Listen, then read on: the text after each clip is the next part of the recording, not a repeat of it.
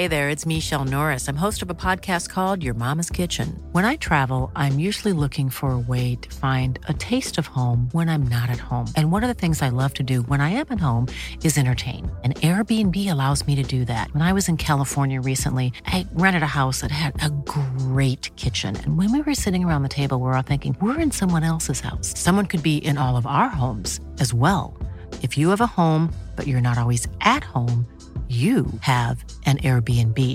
Your home might be worth more than you think. Find out how much at airbnb.com/slash host.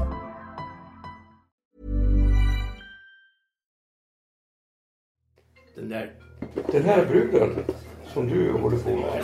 Eller nyss Prata inte för mycket nu. Det här är en podd. Mm. Ja. Kan vi klippa tillbaka? Ja, vi får klippa i början. Nöden har ingen Ja, lag. obligatorium. Avbryt Välkomna till ett nytt avsnitt av podcasten Cyril och Stig i otakt med samtiden. Podcasten produceras av Storyhood. Dagens gäster är vi själva. Och vi hade faktiskt redan spelat in ett avsnitt på nyårsafton eh, som inte blev släppt. Och eftersom det har hänt vi, vi, när vi spelar in den här idag så är det den 30 januari. Och eftersom mycket har hänt dels i världen med då framförallt USA och för Sverige med den store tunge dramatikern Lars Noréns bortgång. Men sen också i våra egna liv med eh, allt från resor och som vi har varit på tillsammans och jobb och manus och så så, så, så, så spelar vi in här nu ungefär 20 minuter där vi pratar om det som hänt närmaste tiden. Sen eftersänds det vi spelade in på nyårsafton som sammanfattar år 2020. Då blir det väl ett år som kommer gå till historien verkligen i och med coronan och allt som hände. Men okej, okay, om vi börjar med, eh, ja, jag vill också säga också att det här är sista gången podcasten är så som ni har hört den hittills. Vi ska, vi ska göra om podcasten och spela in i studio fortsättningsvis. Uh, det kommer till exempel inte vara någon alkohol heller. Va? Och det här är sista gången du får dricka päron konjak. Du kommer inte ens få röka antar jag. Nej, alltså herregud, då, då hoppar jag av. Ja, men det, det får vi se. Det får vi se. Men den kommer göras om. Det kommer bli en ny regi. Vi kommer också, vi kommer också kunna gå och köpa kopp, till att börja med koppar och t-shirts bland annat och kulturpåsar med, i otakt med samtiden. Citat och vårt porträtt av en eh, stor konstnär som tecknat. Det, för att hålla er uppdaterade om det så ska ni följa vår Instagram i otakt med samtiden och vårt andra sociala medieforum Cyril och Stig heter den på Facebook. Även jag har fått ett ny Insta som heter Cyril, Ki- Cyrils Kitchen Confidential för ja, lång tid framöver. Långt fram om man ska eller vad ska jag säga? Eh, man ska, det handlar om att eh, jag håller på att uppdatera min pappas drinkbok eh, Största cocktailboken och eh, det kommer komma en kokbok som heter Kokbok för lata män. Okej, men Stig, du är storytellern. Du får berätta vad som har hänt här senaste. Ja, det har ju varit väldigt dramatiskt. Det är din katt också framförallt. Ja, alltså det var ju... Det här är ju otroligt jobbigt för mig. Jag hoppas att jag inte plötsligt börjar gråta och så. Jag tycker att det är mycket omanligt. Men eh, eh, jag lämnade bort min katt. Vi skulle åka då. Vi åkte ju till Teneriffa och för att skriva på ett grovmanus till en film. Och det var en fantastisk tid det måste jag säga. Vi funkar bra ihop. Och vi sitter på en terrass och röker. Och dricker måttligt måste jag säga. Vi dricker aldrig oss berusade. Det har faktiskt aldrig hänt. Men vi dricker så att man känner sig, ja, avslappnad. Eh, det fungerade alldeles utmärkt och det var ett stort äventyr att vara på djuphavsfiske. Ja det, vi fick upp, eh, du fick upp några barracuder, jag fick Ja. upp några barracuder och fick, två tonfiskar. Jag fick upp en tonfisk. Men mest, också? ja, mest barracuder. Och så massor med makrill fick vi 30 stycken Ja men det var ju, betet. be, det var ju bete va. Mm. Men alltså det var ju häftigt som fan och, då, och Cyril är faktiskt, tro det eller ej, en utmärkt kock. Så vi åt ju väldigt bra mat utan att gå på restaurang. Ja, man hade fiskat dem själv. Innan åkte vi till Det, kan man väl säga där vi var, Los Americas. Att det Ja. finns två Spanien. Det som Hemingway eh, kallar Mad- framförallt Madrid, Spaniens hjärta. Det riktigt genuina Spanien. Som jag var 2019 också i San Sebastian. Och, och du har ju varit ännu mer i Jag varit, Sevilla. jag har ju varit i, i Spanien. Spanien är ju Ja. mi- mitt andra hemland. Så, så det kan man väl säga och, och, om det. För, och klimatet var fantastiskt. Och hela det där, även i Las Americanos, eller vad Los? Americanos. Americanos, så var promenadstråket där längs vattnet var ju också väldigt fint. Det var jättefint. Men vad ska vi säga, sen kom, sen kom du hem och då katten har blivit, vi har haft olika teorier här. Jag har ringt väninnor då eftersom det är framförallt kvinnor och författ, manliga författare som har katter. Jag fick inte tag på de manliga författarna men mina väninnor då Torsten Flink har sagt förresten att män ska akta sig för kvinnor med katt och kvinnor för, och kvinnor för män med klackring. Det har Torstens mamma lärt honom.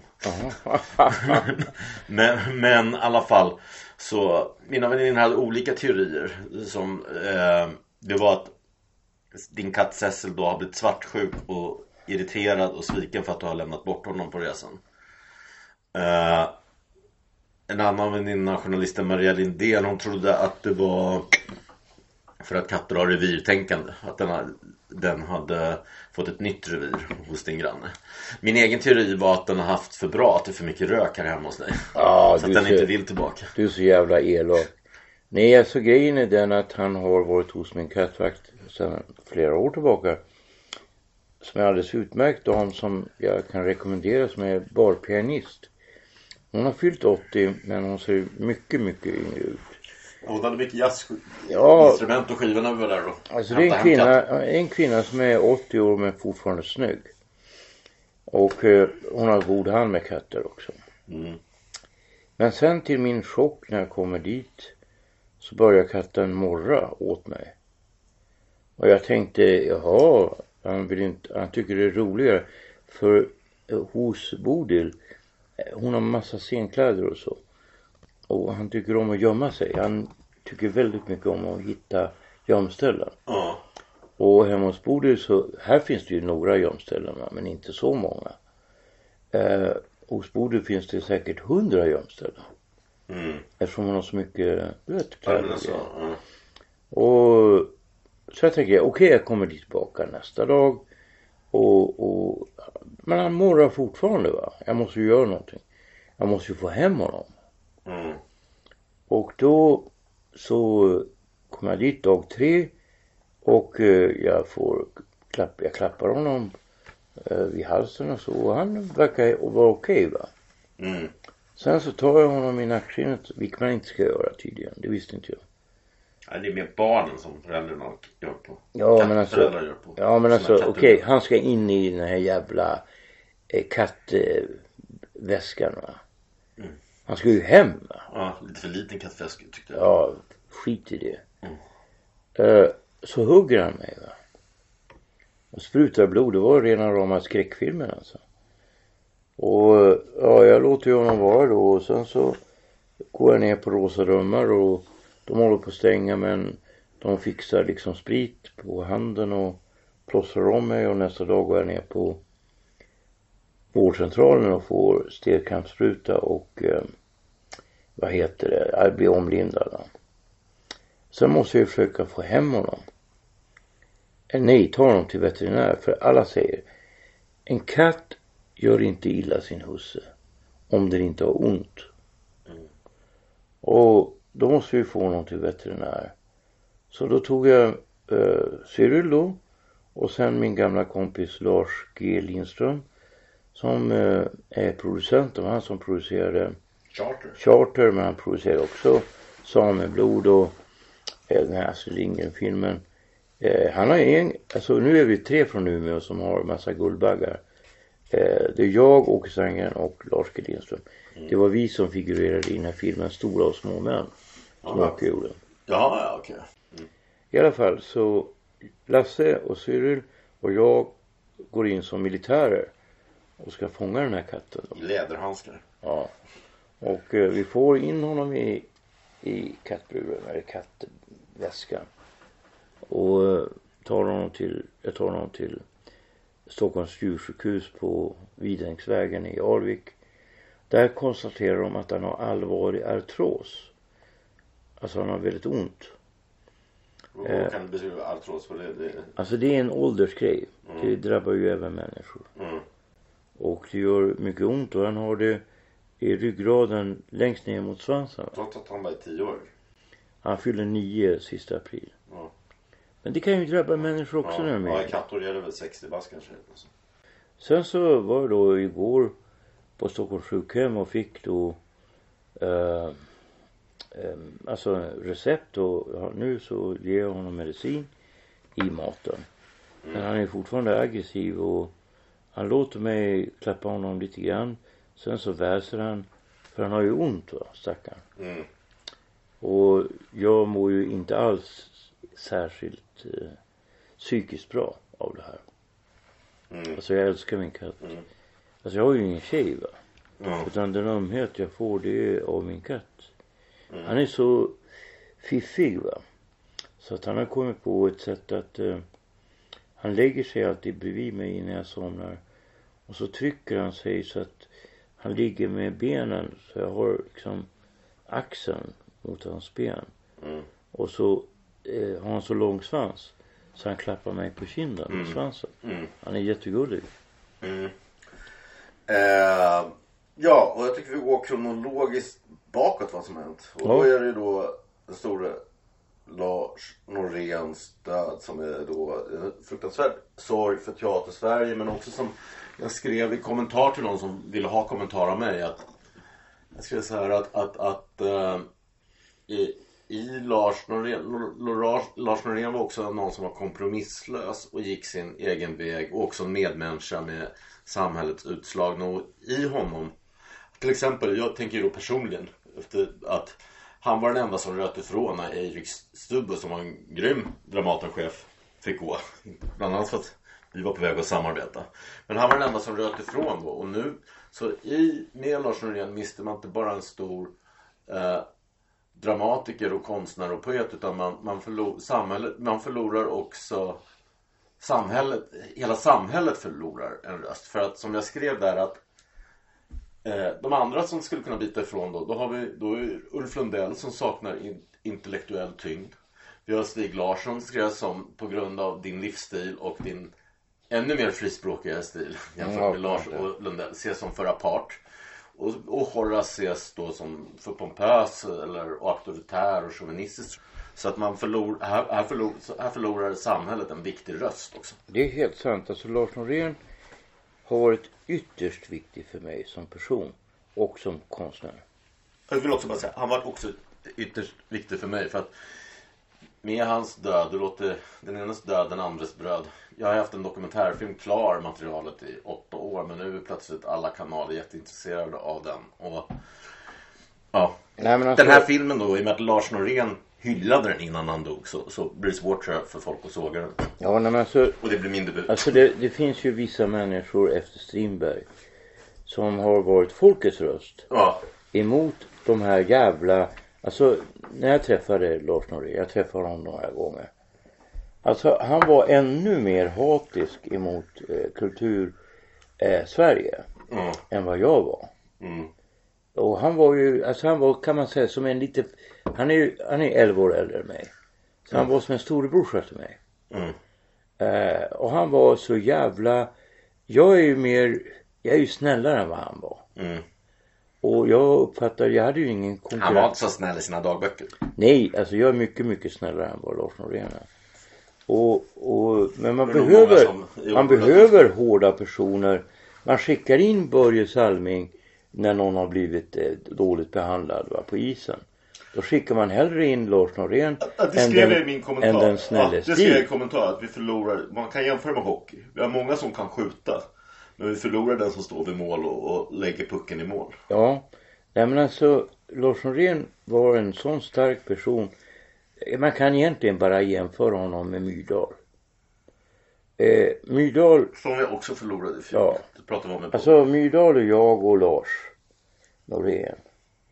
Vi var, eh, de kallade oss vad fan som helst. De kunde kalla oss, ge oss vilka jävla epitet som helst. Men vi visste vårt värde. Mm. Och det vet Lars i sin himmel sitt värde va. Alltså Lars, La- alltså Lars Norén. Jag, jag tog illa vid mig när jag läste den första dagboken där han dissade en gammal kompis till honom. För det jag tycker var hans första riktigt, riktigt bra text. Den handlade om, den hette Från, kons, från Urban till Konsum. Och den finns i Stupor, Nobody knows you when you're down and out. Bessie Smith-låt. Alltså det är en jävla bra text va. Det här är 66 eller något sånt. Alltså han debuterade, han var så ung när han debuterade. va. Och, och det var ju en gammal polare till honom. Och alltså det som var det största felet med Lars Norén. Man ska ju inte tala illa om någon döda, men jag tror inte han tar illa upp. Det var att han var inte helt solidarisk med sina vänner. Va? Mm. Alltså han kunde snacka skit om en gammal kompis och säga att han var alkad. Va? Mm. Det är dålig stil, rakt av. Men Lars Norén var ett geni och jag lever väldigt mycket. Ojämn vill jag väl säga ändå. Ja, alltså de senaste jag tyckte diktsamlingarna. både dikt, senaste diktsamlingarna Ja, det och jag tycker även pjäserna är ojämna också. alltså de senaste diktsamlingarna, det är ren kitsch. Men när jag såg, jag bevakade för Svenska Dagbladet en premiär när jag var kvar där i New York. Då satt ju faktiskt, eh, några rader ifrån mig satt både eh, Rich- Richard Gere, Meryl Streep och sen på någon annan rad Julian Nej, Richard Gere var där med Julian Moore. Ja, Julian Moore. De tre satt där ändå på en off-Broadway. Mm. Off-off-Broadway. Off-off-Broadway, jag Ja, så det var liksom bara en publik på 40 pers. Det var en källarteater. Så det visar ändå att han var stor. Även internationellt. Ja, men det är klart han var. Han, han, han var ju en av världens största dramatiker. Mm. Så är det. Meryl Streep, jag säger inte det här bara för att drop, namedroppa kändisar. Eh, Utan Meryl Streep måste man ändå se som en av världens bästa kvinnliga skådespelare. Absolut. Och Richard Gere är också underskattad på grund av sitt bra utseende. Han ser för bra ut. En del, en del killar får lida för det. Ja, Det är ovanligt men så är ja du tog Per Hagman i försvar för det en gång. Ja, ja men han var för snygg och så blev folk sneda på honom. Alltså det som är fördelen med mig det är att jag är, alltså jag är inte så jävla smart som människor tror att jag är. Eh, Men däremot, Nej, det är mest du själv kanske som har byggt på dig. nej nej nej, alltså anklaga inte mig utan jag är ganska ödmjuk och det finns många människor som är mer intelligenta än mig. Men jag har ett väldigt öppet sinne och jag är inte avundsjuk på andra. Och att inte vara avundsjuk på andra, då får du så mycket fördelar i ditt liv. Ja. Det är själva, jag skulle säga så här. Det är själva haken i livet. Det är att inte vara avundsjuk. Det finns alltid någon som har större kuk än vad du har. Mm. Det finns alltid någon som är bättre på att slåss. Det finns alltid någon som är, är smartare än vad du är. Låt oss acceptera Mm. att det är, att vi är olika. Att vi, vi lever våra liv och vi är bra på olika grejer. Sen får vi hjälpa varandra med det vi inte är bra på. Ja, men det här, det här säger jag inte för absolut inte någon form av avundsjuka. Men det här tror jag faktiskt, som också är aktuellt nu senaste veckan. Tror jag faktiskt Lars Norén kunde varit den som sagt ifrån. För att då, då hade en annan sorg då för dramatiker i Sverige. Det var dagen efter eller innan Lars död. Då var det Guldbaggegalan. Jag betvivlar inte att din kompis Lars film Lasse som hämtade katten här, Charter. Som också för övrigt är inspelad på Teneriffa. Är bra. Men däremot den som tog Grand Slam som tog hem allting. Det är Uje Brandelius och Henrik Schyfferts film Spring Uje Spring. Titeln låter ju väldigt lik, eh, eh påminner ju en del om Gå Johnny Gå, min debutroman, så den har jag inget att invända mot. Titeln och manuset var ett feel good 3 plus. Eh, det var så det blev en tjej som ville se den. Och han verkar ju genomsympatisk person den här. Eh, eh, Öje Brandelius. Ja, så, och så, som drabbas av eh, eh, ALS. Par, ja, precis. Och eh, så det är ju också sorgligt fast det är gjort som en feel film Och sen driver han med sig, han är den här yttersta PK-vänstern från söder fast han vill poängtera då hela tiden att han bor i Bredäng. För att göra ännu mer PK. Eh, så det är lite roligt att han har den självdistansen. Och Martin Ågård som har gästat, eh, eller Agård heter han va? Som, som har gästat podden. Ja. Han är med och hans band och sådär och han är ju också trevlig och sympatisk och vi har aldrig haft något, jag har aldrig haft något emot honom. Ja, jag gillar honom. Ja, tvärtom. Jättebra skribent och allting. Han är schysst. Ja, och han är ju med i hans band Dr. Cosmos, vad ska man kunna säga? Det är plakatvänster utan att vara Brecht utan ganska pubertal plakatvänster. ja. Men där var ju liksom det enda eh, eh, eh, Henrik Schyffert lyckades med som, i sin regidebut. Det var just deras Det var lite musikalgrejer som var trevligt i filmen också. När det blev rockvideoestetik. Som regissör, regi, i fråga om regi och skådespeleri så var det ett misslyckande. Och den dog då, drog då hem bästa regi och skådespeleri bland Ja. annat. Alltså amatör. Nej, bästa regi fick faktiskt Amanda Kennell. Okej, okej. Men det här är en sak, där, det som jag säger nu att man då gynnar sentimentalitet och banalitet Gråtande pojken istället för riktigt professionellt skådespeleri och regi. Det tror jag att någon som Lars hade kunnat sagt. Ja, alltså Kanske det, Ja, alltså det, mot det här. alltså jag känner ju så här att det finns vissa personer som har sån, eh, alltså i, låt oss säga i, i erfarenheten av Strindbergs existens så har det funnits svenskar, Stig Dogman var en, Mm. så har det funnits svenskar som har haft ett ansvar. De har inte varit så populära bland inom bourgeoisien. Men de har varit populära bland folket. Trots Jan att, Andersson också. ja men trots att de kanske inte ens förstods av folket. Förstår du? Ja. För att på samma sätt som det är i Ryssland. Alltså jag har rest mycket i Ryssland. Och när jag ska skryta och försöka göra mig till va. Så brukar jag ju då säga att jag är filmregissör. För poeter kan vilken fan jävla idiot vara va. Men när jag reste i Sibirien. Och sa att jag var filmregissör. Det var ingen som höjde på ögonbrynen. Men när jag sa att jag var poet. Oh shit du är poet! Mm. Alltså du, du förstår vilken betydelse. Man måste förstå så här. Kulturvärlden är sjuk. Sjukdomen ser ut så här. Att det finns ett antal, ett litet, litet antal väldigt, väldigt begåvade eller geniala personer som är aktiva i kulturvärlden. De är nästan alltid missaktade och hatade av den övriga kulturvärlden. Som man, du brukar kalla de här eh, som blir Augustprisnominerade för medhårsförfattare. Ja men Utom de är så här, Ja, men alltså- positiv till. Ja men alltså Lydia är bra. Och, och jag, det var ju Horace som sa till mig. Han tog mig i upptuktelse. Horace är ju ganska hård. För jag vägrar läsa Augustprisnominerade jävlar alltså. Du vet. Augustpriset det är ju jävla skit va. Men alltså Horace sa du är så jävla fördomsfull. Nu tar du och läser Monica Fagerholm. Hon är, hon är bra. Och jag läste henne och jag var ju tvungen att ge mig. Hon är ju fan ett geni. Monica Fagerholm är en av våra största nu levande svenskspråkiga författare. Hon är också följare på vårt sociala medium Cyril och Stig Facebook. Så gör som Monica Fagerholm och följ oss. Ja, nej men alltså Monica Fagerholm.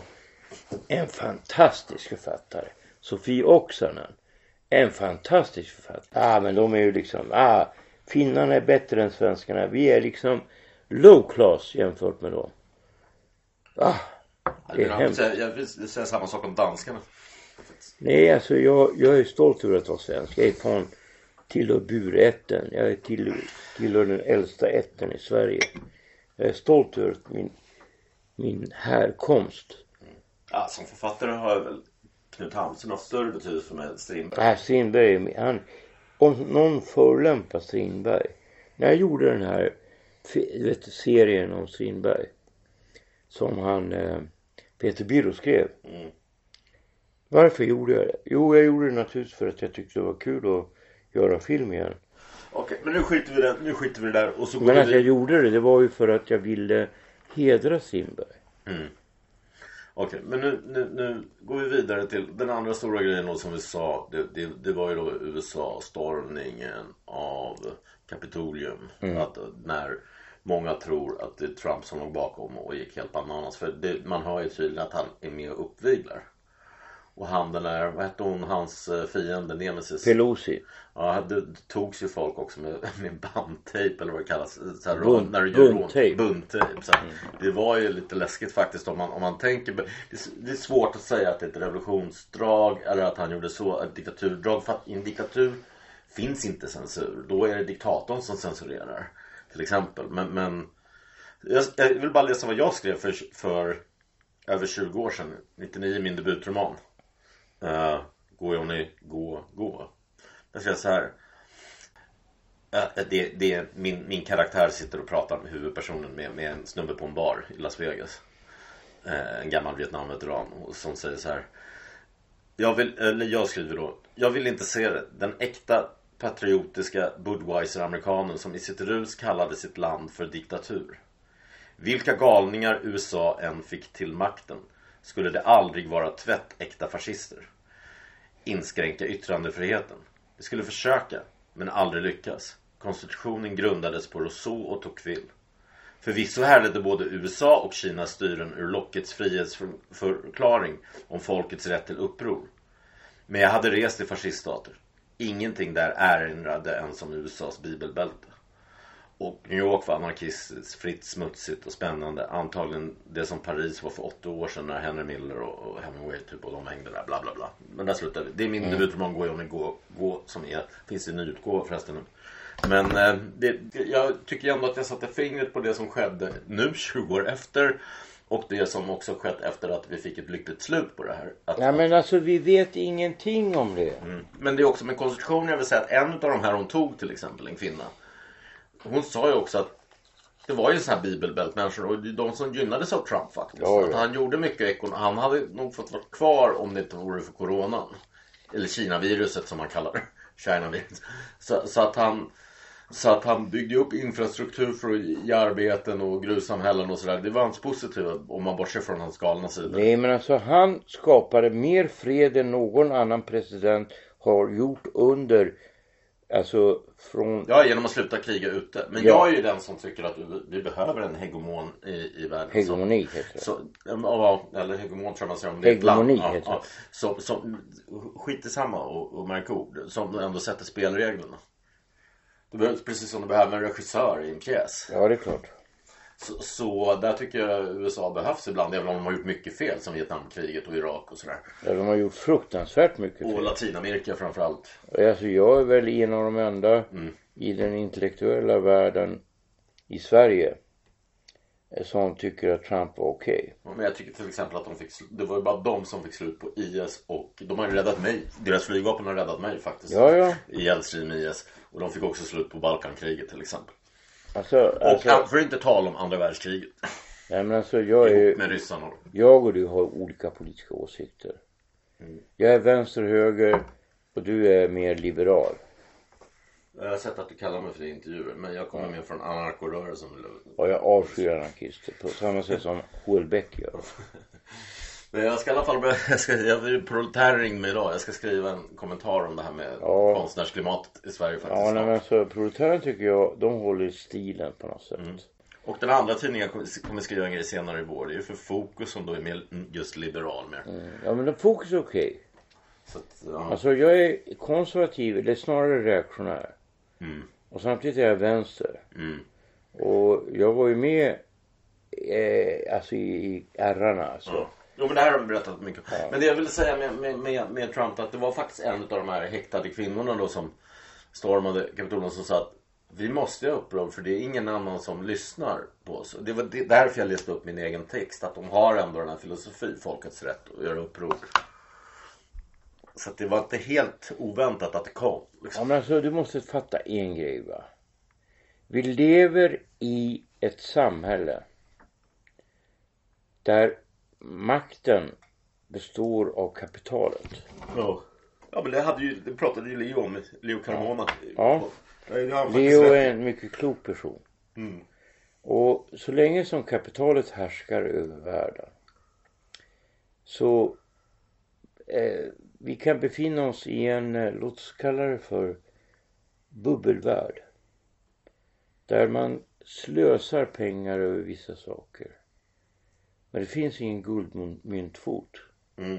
Nej men det är det så att, de, ja. alltså, världen in, det är det med guldmyntfot. Jag tror att prata om det, det som kommer efter här från vårt, från vårt nyårsgrej. Att, att 71 avskaffade guldmyntfoten och det gjorde att banker kunde börja spekulera helt plötsligt på ett sätt du inte kan om du driver ett eget företag. Ja, men De alltså- kunde ta risker och för det är alltid staten i, i västerländska demokrati som går in och, och räddar banken.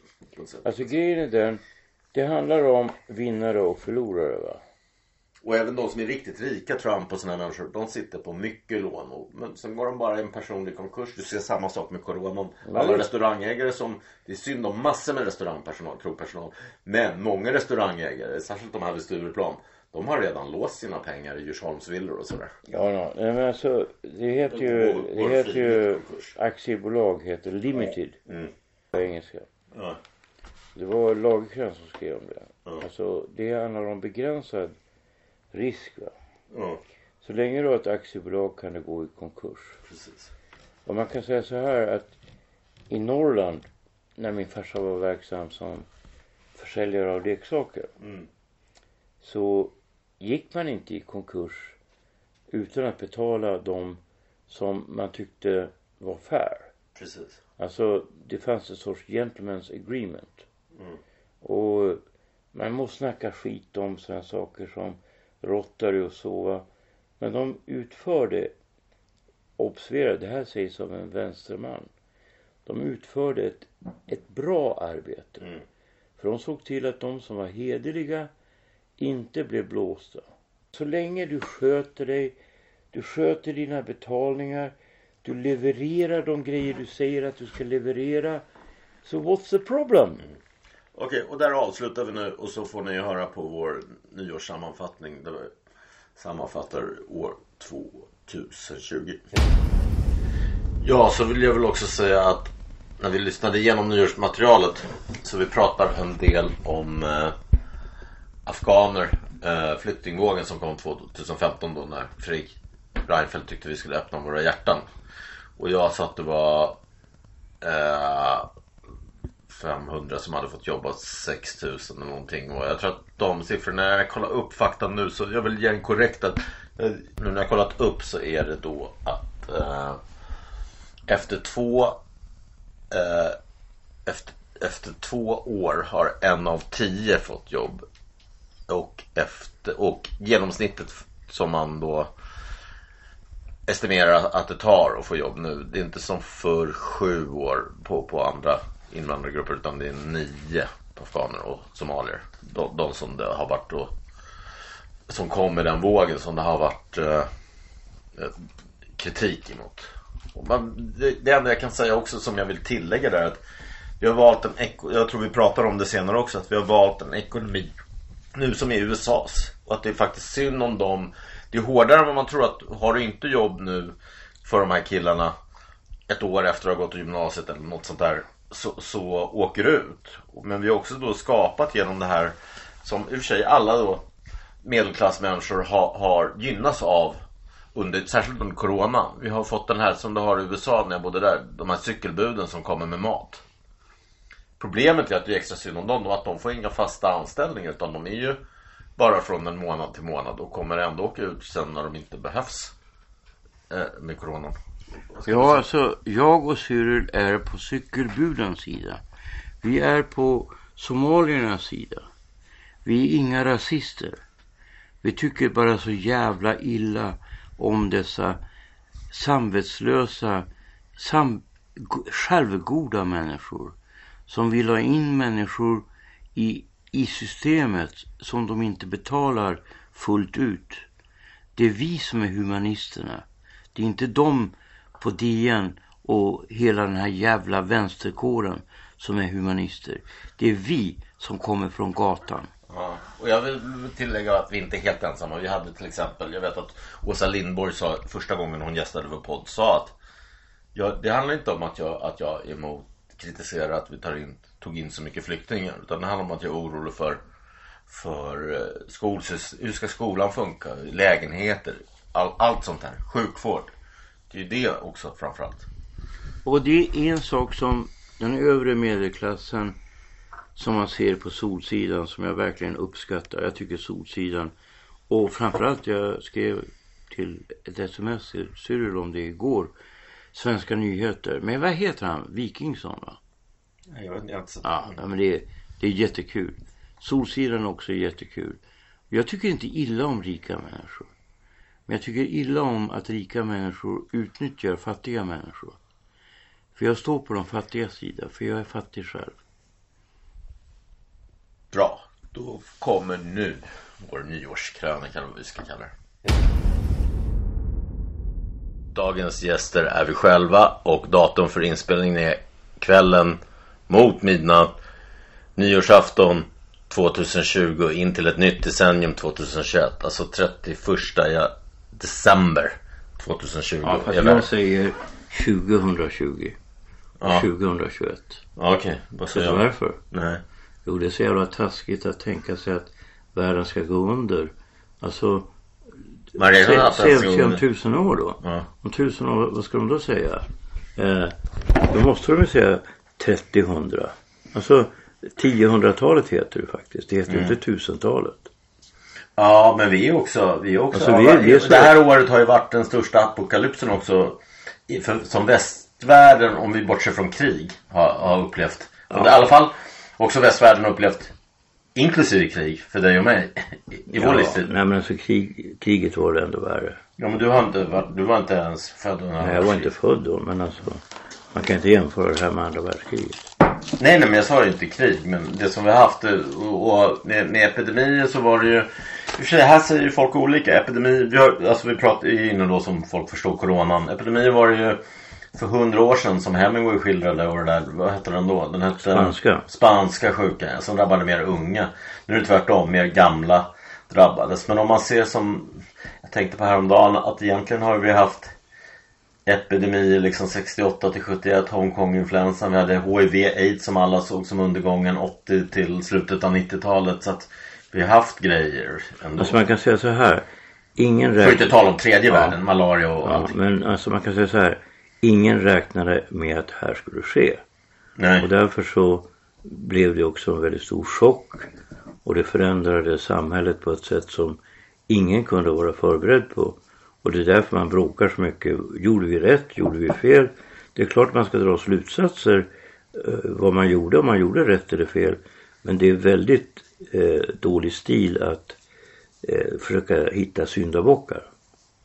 Mm. Jag var ju då en man skulle kunna hitta som syndabock för att jag var ju hade ju lovat min son Sigge då under hela hans uppväxt att vi ska se han hade sett landskampen med, med Zlatan i Sverige då men att vi ska se det utomlands PSG och sådär sen drog han till Manchester där i England är ju biljetterna för dyra för att de vill ha bort det de ser som drägg från arenor och sådär det kostar ju liksom såhär 1000 euro en biljett men, men, och sen USA och sådär men nu tänkte jag väl, jag hade lite pengar på fickan och tänkte i februari att vi, vi åker och ser ett Milan-derby nu när Zlatan är tillbaka i, i Europa.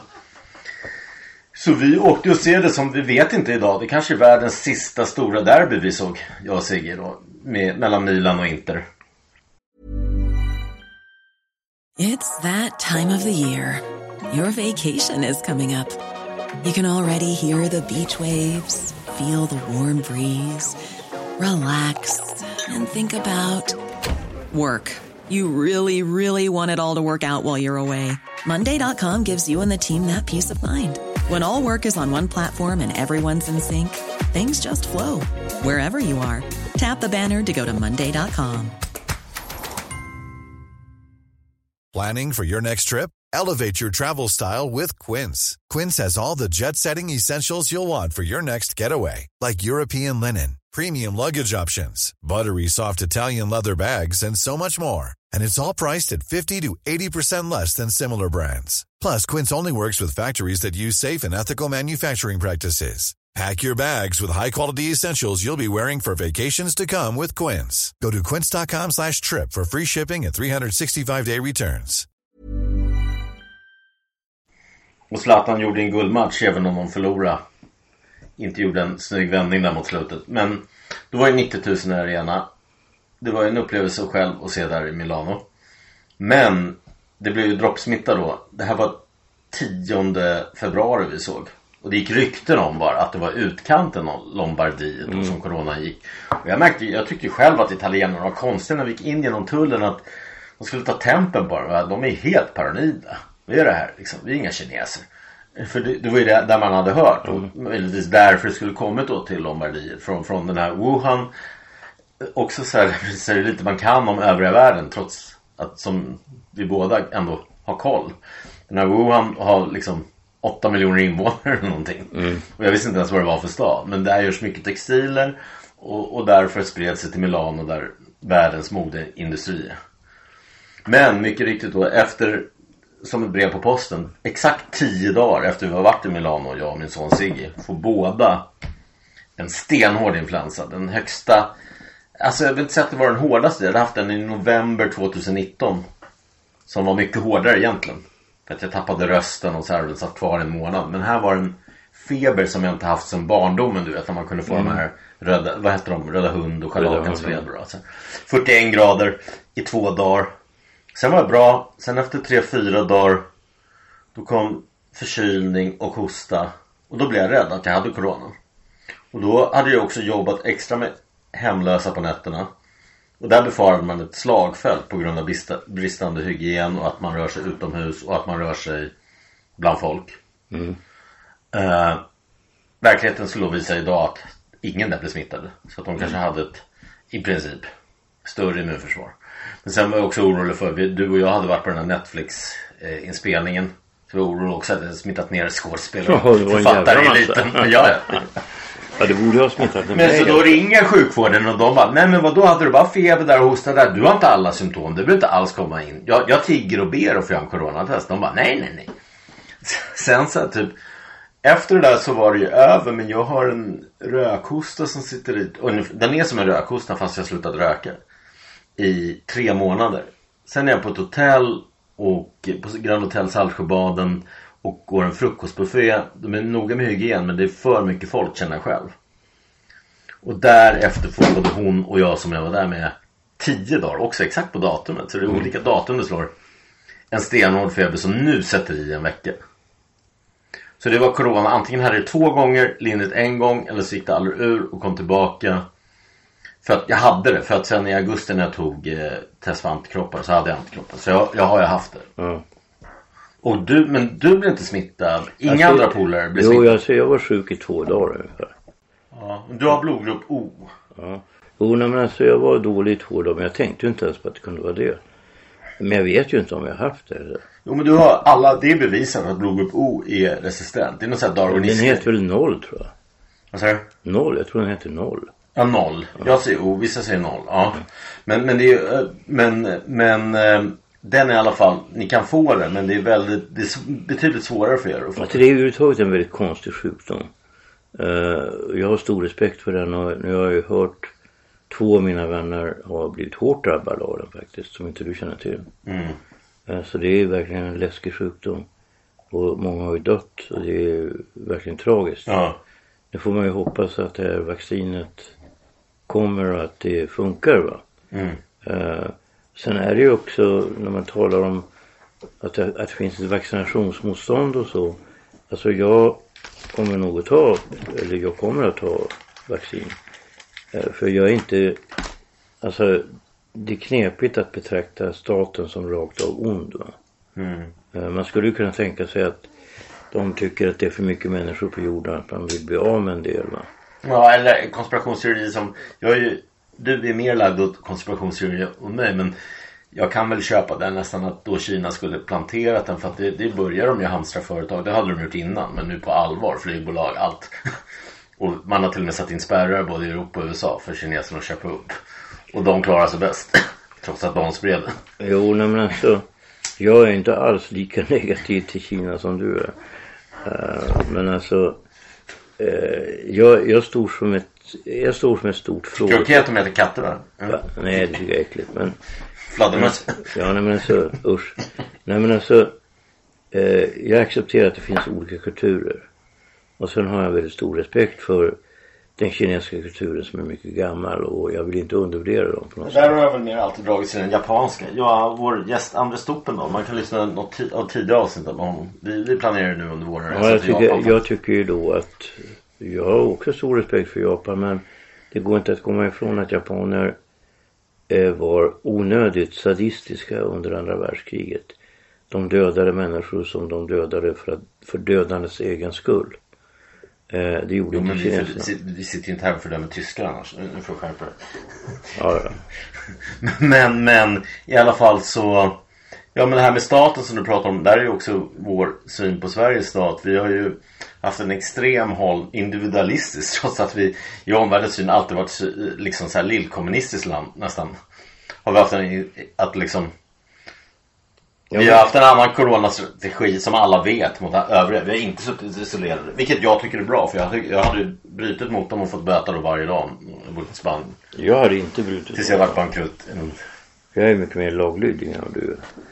Men, men alltså jag tycker det är väldigt svårt att som amatör göra bedömningar om människor, när människor kan mycket mer än vad jag kan.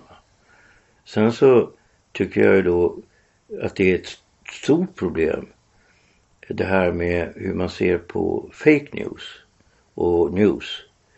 För jag är nästan av den åsikten att de nyheter som levereras i Dagens Nyheter, Svenskan och TV och så eh, har visat sig under de senaste 30 åren ofta har varit direkt felaktiga.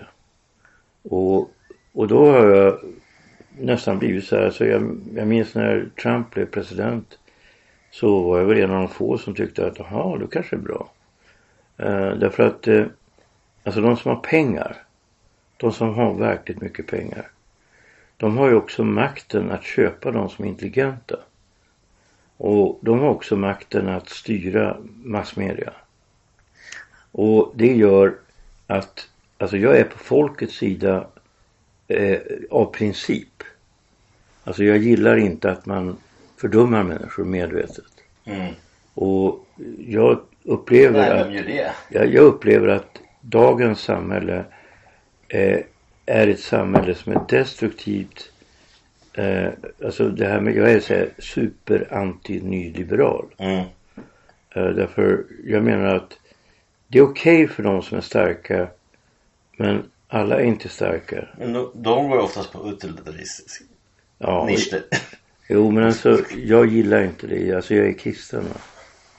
Och jag tycker att det är för jävligt som man behandlar de gamla människorna och som man behandlar de svaga människorna. Och det är det folk är. Jag läste nu och där jag, jag, jag, jag, ser inte senaste 30-40 år men det är väl det är därför tyvärr då, jag säger tyvärr för jag gillar inte att Sverigedemokraterna har fått den position de har fått. Men de har ju fått den för, jag läste, nu har ju till och med Aftonbladet och Expressen, DN och den borgerliga media, eller man ska säga. Liberalborgerliga medier blir tvungen att tala i klarspråk. Om vi jag läste nu Aftonbladet till exempel att av de 50 000 invandrare som kom den här våren 2015 från mestadels från Afghanistan och Afrika, mer tror jag än Syrien där det behövdes så har bara 4500 fått jobb. Och sen det här vet jag inte för det här var en kompis som är ganska kritisk utav de 4000 afghaner som har gått då gymnasium de här de som ofta ser väldigt vuxna ut Ja. för att gå gymnasium. Många har skägg också. Så, eh, där har bara 69 fått jobb eller någonting. Ja men alltså man måste skilja på två saker. Så det är klart att det kostar samhället pengar. Ja det är klart det gör. Alltså man måste skilja Och på... på Göran Löfven förut var aspekten sju år tar det innan man får, kommer in i arbetslivet. Nu är det nio år typ. Ja, Men låt oss skilja på två saker. Det är inte fel på de här människorna som försöker ta sig till Europa för att skapa sig en bättre framtid. Absolut inte. Det är De är- de är- Jag hade varit en av dem. De är ju liksom drivkraftiga och, och det är inte deras fel va. Utan felet, och det är det som är det sorgliga. Felet skulle jag vilja säga är vänstern. Och det säger jag som är vänster. Alltså jag reagerade redan tidigt 70-tal. Redan 1971. Eh, när jag var med i FNL-grupperna. Då, då jag gick med i Rarna istället va. Därför jag upplevde att de där människorna de ville inte förändra samhället utan det handlade om att de var tvungna att ha en sorts eh, förevändning för att de, det var för många som fick studera. För många kunde göra vilka val som helst och välja sina liv. Och för många av dem var inte till, tillräckligt begåvade helt enkelt. Och då kunde samhället liksom köpa dem. Mm. Alltså det fanns en teori på 60-talet eh, efter en dansk som hette Gottfred Appel som handlade om att arbetarklassen i Europa var köpt. Och då handlade det om att det var arbetarklassen i tredje världen som man skulle satsa på. Eh, nu var det så att de människor som drev den teorin de blev själva köpta. Du kunde se i Spanien, jag var ju mycket i Spanien i mitten av 80-talet och då var det stora demonstrationer med röda banderoller och då var de intellektuella liksom för vänstern. För mm. de var inte köpta än. Va? Mm. Sen fick de lite kulturbidrag och sånt där. Mm. Lite teatrar. Eh, lite så här eh, nagelskulptriser av fan som helst. Psykologer. Mm. Och, och liksom köptes upp. För kapitalisterna behöver ju också en, en konsumtionsmarknad av det vi kan kalla, och jag är inte alls emot konsumtionsmarknaden av lyxvaror och så. Jag gillar ju goda viner och så. Det är inte så va. Men det jag ogillar det är att man planmässigt liksom strukturerar upp befolkningen i en grupp som man liksom medvetet fördummar och en grupp som man liksom passiviserar, alltså man passiviserar deras upprorsanda eller vad vi kan kalla det för. Va? Och ger dem en massa fördelar, köper dem helt enkelt och låter dem liksom hålla käften. Mm. Vänstern dog ju på det sättet. Mm. De enda som höll kvar vid, kan man säga, ar arbetaridealen det var delar av trotskisterna och det var ärrarna. Och jag vet inte hur ärrarna är nu va. Men då på den tiden och det berodde på att det fanns en stor grupp arbetare i Sverige som hade yrken som hade arbetarklassstolthet. Alltså inom varven, gruvorna, vissa industrier och där det var liksom status att vara arbetare. Om du tittar på herrarna i början så var ju alla utom en var ju faktiskt kroppsarbetare. En var professor i vetenskapsteori. Ja men här, ja, men här tänker jag, jag vet inte om du läste den, jag skickade upp för att Proletären då, Norrlands arbetartidning som, som är den här ursprungliga arbetarklassen tror jag. Nej, du menar talar... Norrskensflamman menar du? Nej, Proletären och, och de vill ju att du och jag tror jag ska hjälpa dem lite, skriva lite bland annat. Men de, de har de, det känns ju en splittring här under för den riktiga arbetarklassvänstern. Mm -hmm. De skriver, du läste inte det här tror jag, för du läser ju inte internet så mycket när jag skickade en mm. länk. Du, du, kan inte ens komma upp. Men de börjar med det, det, den, den, jag, jag, läser den för att den handlar om Eddie Medusa. Du vet vem det är? Ja, men jag, jag, jag såg på det. Ja, ja och, han, och jag är ju då jag har ju vissa bibliska ideal, både judiska och kristna. Så jag är emot självbefläckelse och sånt som står i bibeln då. För, dels för disciplin. Jag tycker att sån njutning ska ske mellan partner. Men, men det här är mer en allegori då. Den, jag kan läsa upp den högt. Mm. Eh, textraderna, vänta, ja jag ser det. Här återkommer de, de, jag läser inte från början. Men den börjar med Medusa då. Texterna Texterna ovan hämtas från den finurliga låten Jag bara runkar. Lite vulgärt kanske. Sjunga om självbefläckelse som Eddie Medusa. Låten handlar om hur andra, oftast överheten, begår olagligheter medan herr Medusa nöjer sig med att runka. Mest för att vara på den säkra sidan. Oftast nöjde sig herr Medusa inte där. Det skulle hällas upp brännvin i glas åt Karin Söder, du vet den gamla centerledaren. Eller för den delen sjunga som Göran Perssons rövhål. Eller Medusa var inte dum i huvudet, även om spriten med säkerhet tog död på allt för många hjärnceller. När han under sitt riktiga namn Errol Nordstedt försökte göra sig ett namn inom den etablerade musikbranschen gick det dåligt. Det var väl helt enkelt jävligt mainstream. Skivan sålde dåligt för att vara honom.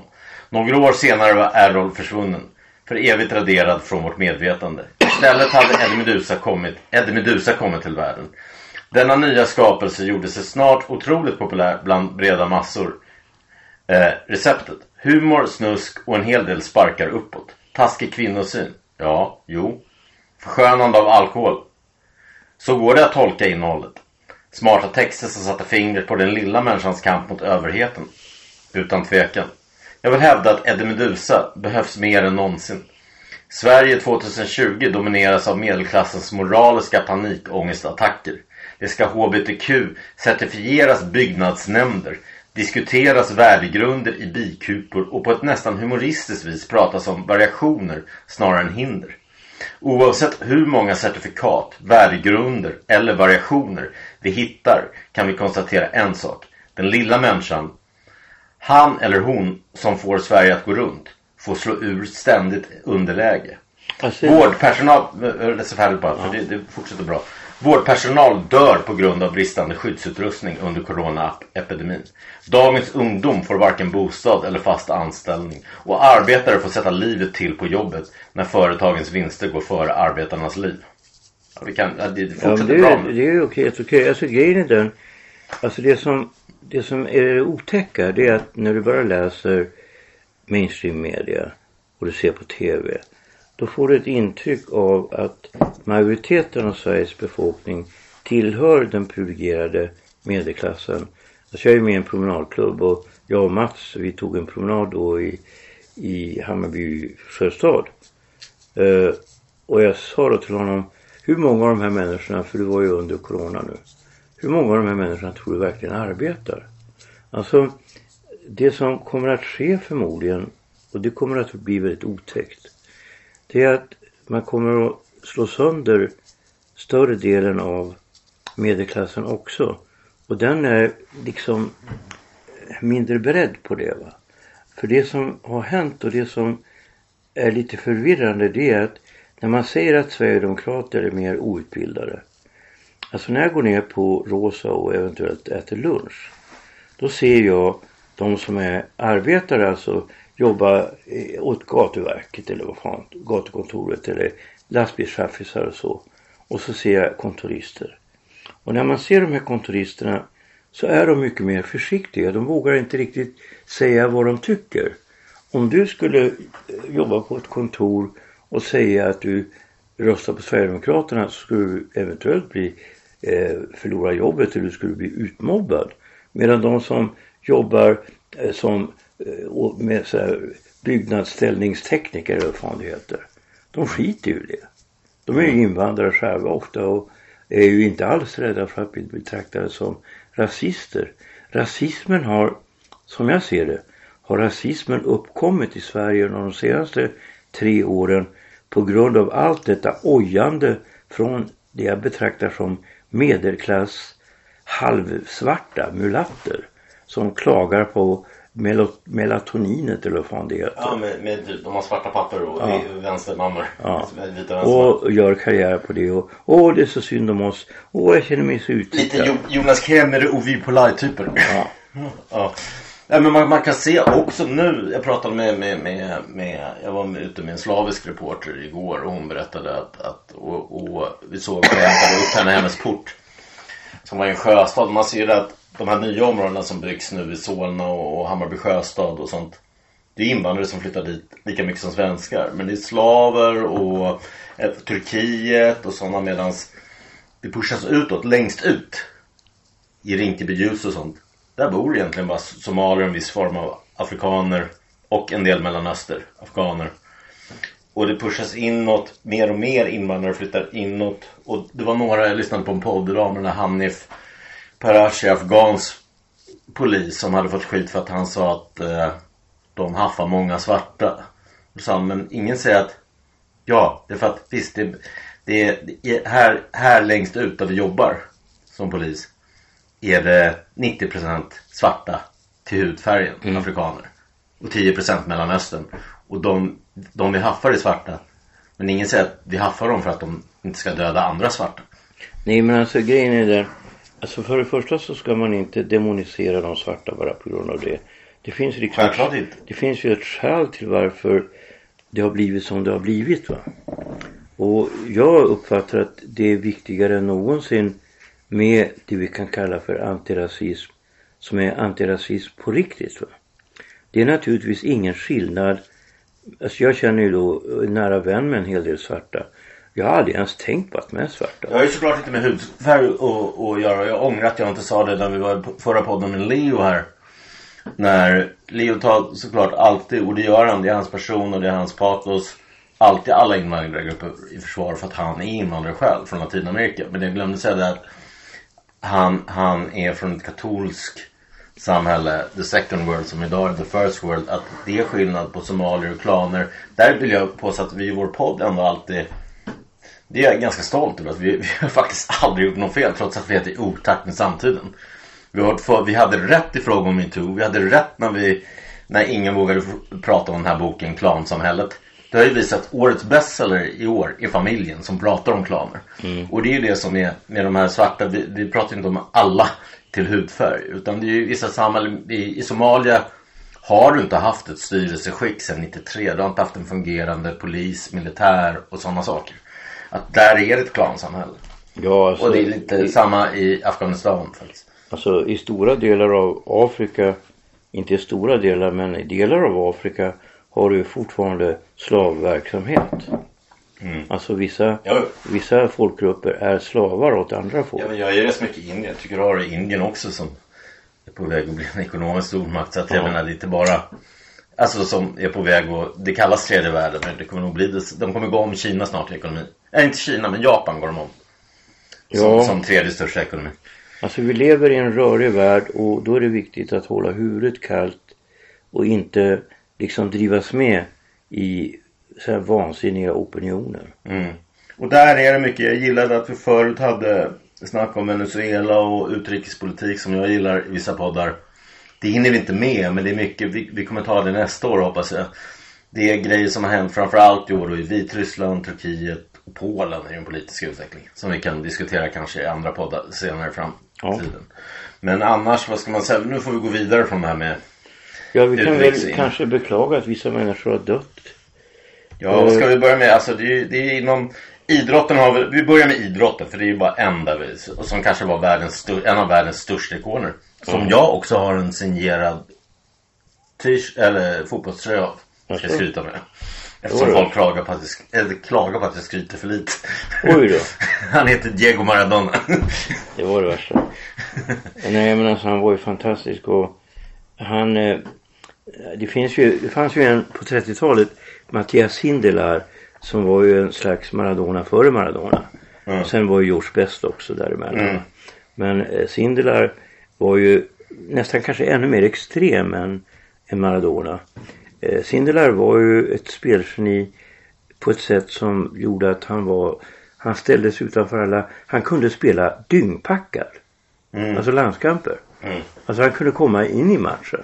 Och de tillät honom att göra det. Ja, men Maradona, så långt gick man? Nej, alltså, aldrig. Centralstimulanser kan jag säkert ja, tänka mig. Och då blir bara bättre. Alltså inte packad va. Men han var så jävla bra så att och sen så när... när Efedrin har han torskat för. Det är amfetamin. Ja men när, när tyskarna ockuperade Österrike. Då vägrade han spela för tyskarna. Och då dödade de honom. Och mm. fortfarande än idag erkänner inte eh, Österrikes eh, förbund eller fotbollsförbund att det var ett mord. Mm. De sa att det var en gasolycka. Mm. Mattias Sindelar är en av de okända verkliga hjältarna. Mm. Han umgicks huvudsakligen mm. med horor och gangster. Mm. Men sen är det som du har sagt, fotboll och humor och vissa grejer utvecklas hela tiden. Ja. Och idrott hela tiden. Och där, jag ser ju när, när Maradona trixar med fotboll. Så är han ju, och alla lägger upp de klippen. Då ser jag själv, min egen son är bättre som har gjort vissa grejer. Men däremot skulle de målen han gjorde och de framspelen och allting så har du fortfarande idag inte överträffat inte ens Zlatan. Zlatan alltså, och några till och, och, och Messi är ju där liksom. Men, men ja, i princip, Ronaldo också. Ja, och Ronaldo. Ronaldo också på löpningarna då, framförallt. Men alltså det, det, det som sker det är ju framförallt det som har skett under de sista två, tre åren. Jag tänker framförallt när Liverpool vann över Manchester City för förra hösten. Mm. Alltså att du ser på samma sätt som du såg i matchen mellan eh, var det 97 mellan eh, Real, mm. Real vann över Dortmund. När du ser tre spelare skjuta mm. stenhårda, mm. långa passningar. Mm.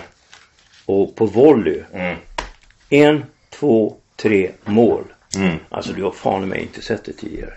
Nej men jag gillar till och med Guds hand. Jag har fusk ja. liksom. Nej men alltså, lyssna på mig. Eh, när jag satt och skrev den här eh, filmen som hade blivit av av politiska skäl, verklighetsuppfattning, så hade jag med en, en fotbollsspelare som var en av de positiva hjältarna. Och han hade då gjort ett mål av typen eh, Maradona. Eh, Och så förklarar jag eftersom jag sitter med en replik hur länge som helst. Kanske åtta timmar. Mm. Så säger han. Ja men alltså fatta. Det första som händer är att jag blir glad. Mm. Ska jag sen halvsekunden senare ångra mig? Mm. Alltså det funkar ju inte heller. Mm. Alltså det spontana det är ju att du, du ser att det, det blir mål. Mm. Även om du fattar att det, det är min hand. Mm. Alltså det är psykologiskt sett nästan omöjligt att anklaga honom för att göra något fel. Ja men, det man, men, men också då måste säga bara frambli en världsikon. Det är också, Pelé var ju också bra och där, där, glömmer, där tror jag inte vi glömmer bort Maradona på samma sätt som jag tror Pelé kommer bli fast han var först av de här Ja. riktigt Men världsstjärnorna. Ma- Martin, Mar, Mar, Martin Dahlin gjorde ett liknande mål. Där han ångrade sig. Mm. Säkert beroende på det här med Maradona. Mm. Men Sverige hade fått målet annars. Och han var väldigt bra på armbågar och luften och sånt där, eh, Dahlin. Men, men, men, men eh, där, det är ju personan också att ha den här som Vissa stör sig på den. Särskilt de här kanske lite ängsliga feminina killarna. De här grandiosa som, som vi tycker är kul ändå. Muhammad Ali. Det är ju Ma- Muhammad Ali, Zlatan, Maradona. De har den där eh, larger than life personen. Ja. Men i Maradona går det ännu längre att han blir och det stämmer med Muhammad Ali också att han blir en förespråkare för tredje världen på ett sätt som jag kan nog bara se när jag, jag är rätt mycket i tredje världen att, att det, är, det är Bob Marley och Maradona liksom som Ja men det var också han det. blir talan för den lilla människan i Ja, hela men det var världen. det att han tog så explicit ställning för de fattiga va. Ja. Alltså det har ju då egentligen ingen annan eh, som har kommit från fattiga förhållanden gjort på samma sätt. Ja och det, se- och det kanske inte alla Sen skryter Kuba alltid om sin sjukvård Men jag vet inte om det är bäst att åka till Kuba och göra en hjärtoperation för sina Ja, men det är ju inte så dåligt. Men alltså, du hade ju Tostan i Brasilien och sen hade du Sokrates. Men både Tostan och eh, Sokrates var ju något så ovanligt som spelare som kom från medelklassen. Mm. De, ju var- de var ju också ju bara- jag har haft två långa resor i Argentina så jag vet ju och de är ju väldigt stolta över De är mer stolta tror jag över Che Guevara och Maradona än Evita Perón och Ja, hela Perron-affären, det, vill jag- tangodansen. det vet jag ingenting om. Det var konstigt.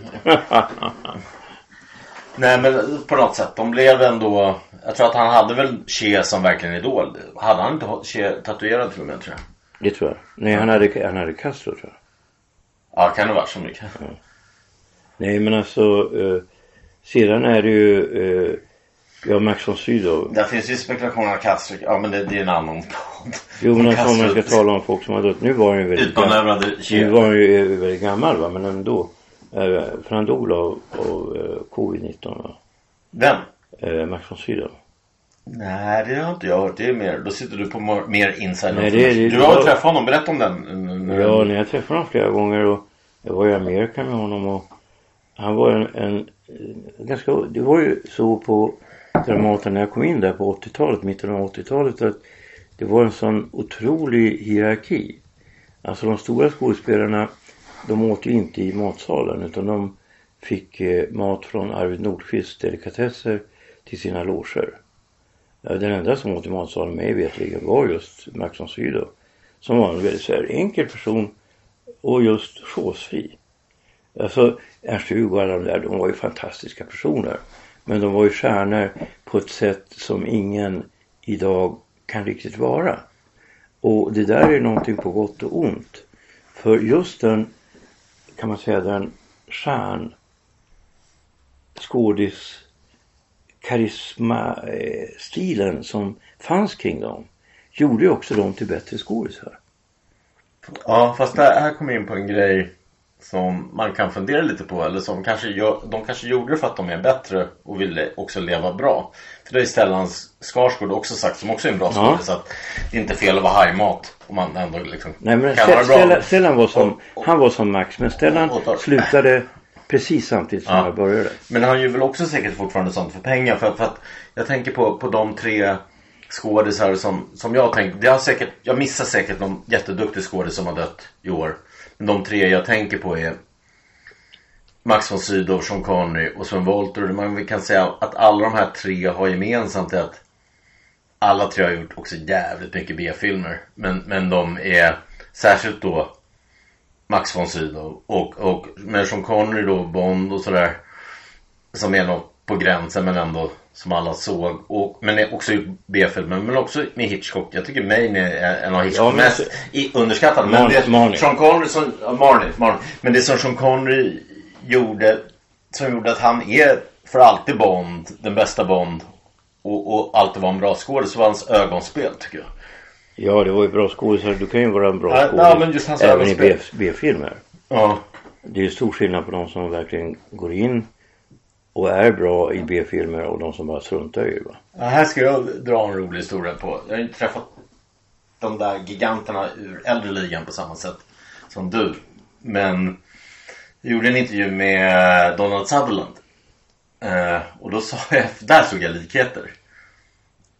Med just det här med B-filmer. Jag bara, eh, eh, vi har en svensk skådis som heter Max von Sydow. Han bara, ja jag känner, jag känner Max. Ja det är en bra polare liksom.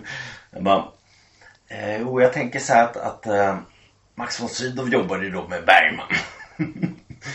och du Donald har ju jobbat då med Bergmans polare och som, de såg varandra som jämlike, Fellini. Han bara, ja, ja. Men sen har ni båda gjort jävligt mycket B-filmer. Då blir han helt ställd. Han bara, du kanske har rätt. Men säg det inte till Max för då snor han väl mina roller i framtiden. Men jag älskar Mats. Eh, Max. Jo, nej men, nej men det var också en väldigt bisarr scen eh, som är en bra story. Det var när vi skulle skiljas åt på Kennedy Airport eller New York eller vad det var. Vi var i alla fall i, i, Vem du var? jag och Max. Alltså jag hade ju då eh, vanlig tourist class. Men bara för att jag stod och pratade med honom, han skulle till Köpenhamn och jag till Stockholm. Så kommer en, en märkvärdinna och säger det har blivit något fel här. Och ger mig en first class till Stockholm.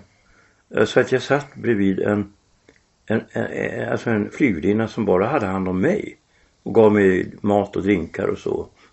alltså, jag har aldrig varit med, bara för att jag pratade med honom. Mm. Alltså då är man stor. Ja, det är så.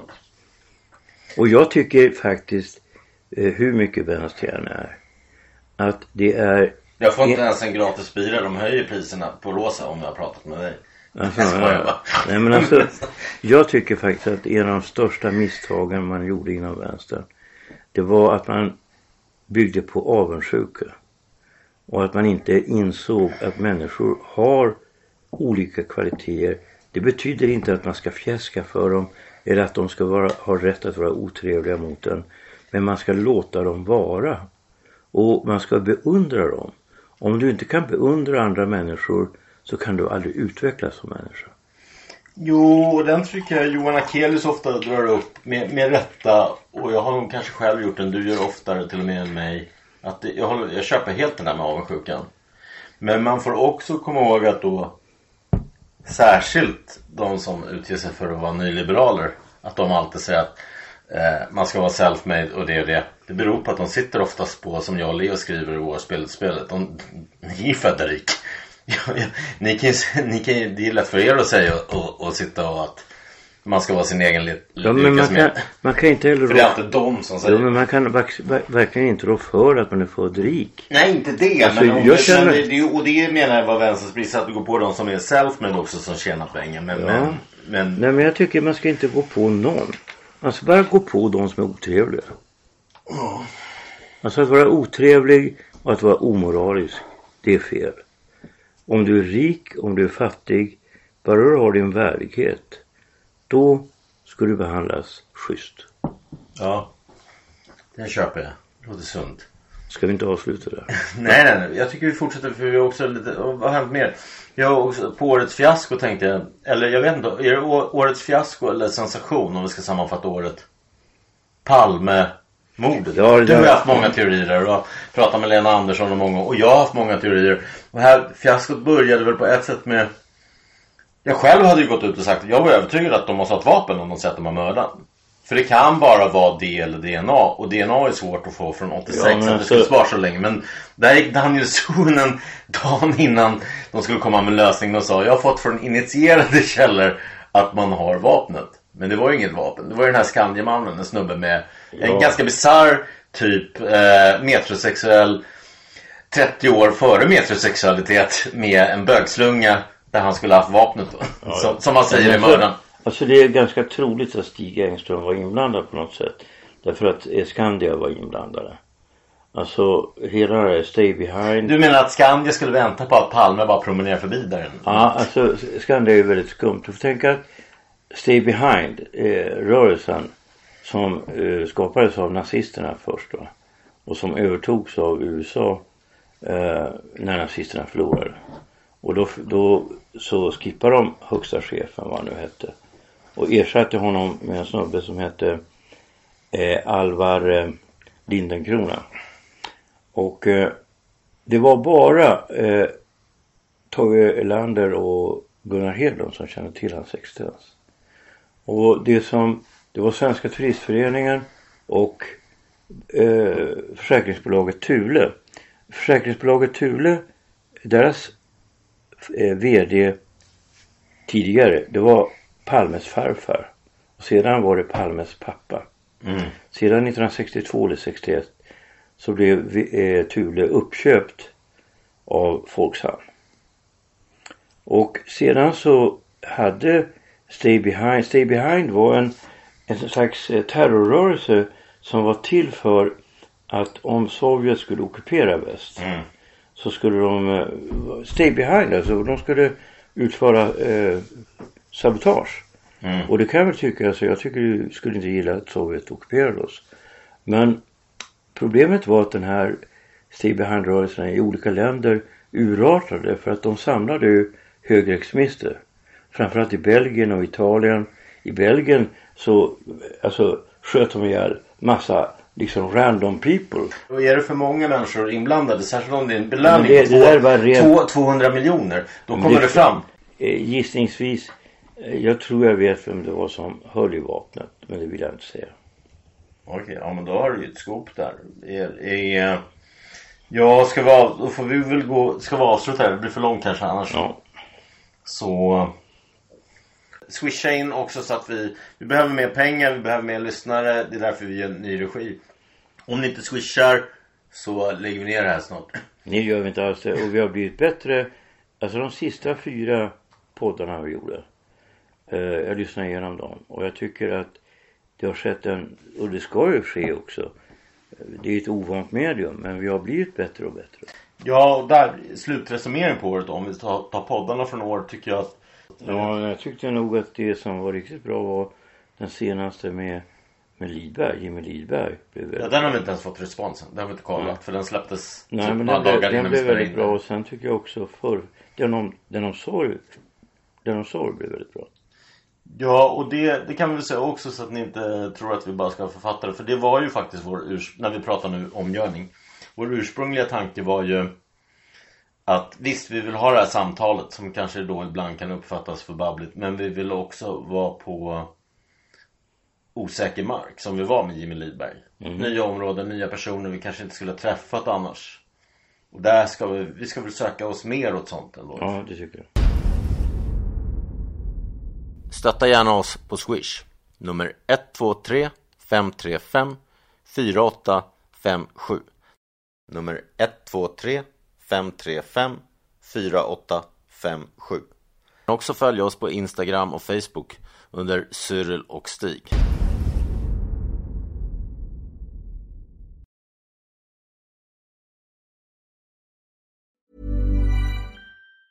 Planning for your next trip? Elevate your travel style with Quince. Quince has all the jet setting essentials you'll want for your next getaway, like European linen, premium luggage options, buttery soft Italian leather bags, and so much more. And it's all priced at 50 to 80% less than similar brands. Plus, Quince only works with factories that use safe and ethical manufacturing practices. Pack your bags with high-quality essentials you'll be wearing for vacations to come with Quince. Go to quince.com slash trip for free shipping and 365-day returns.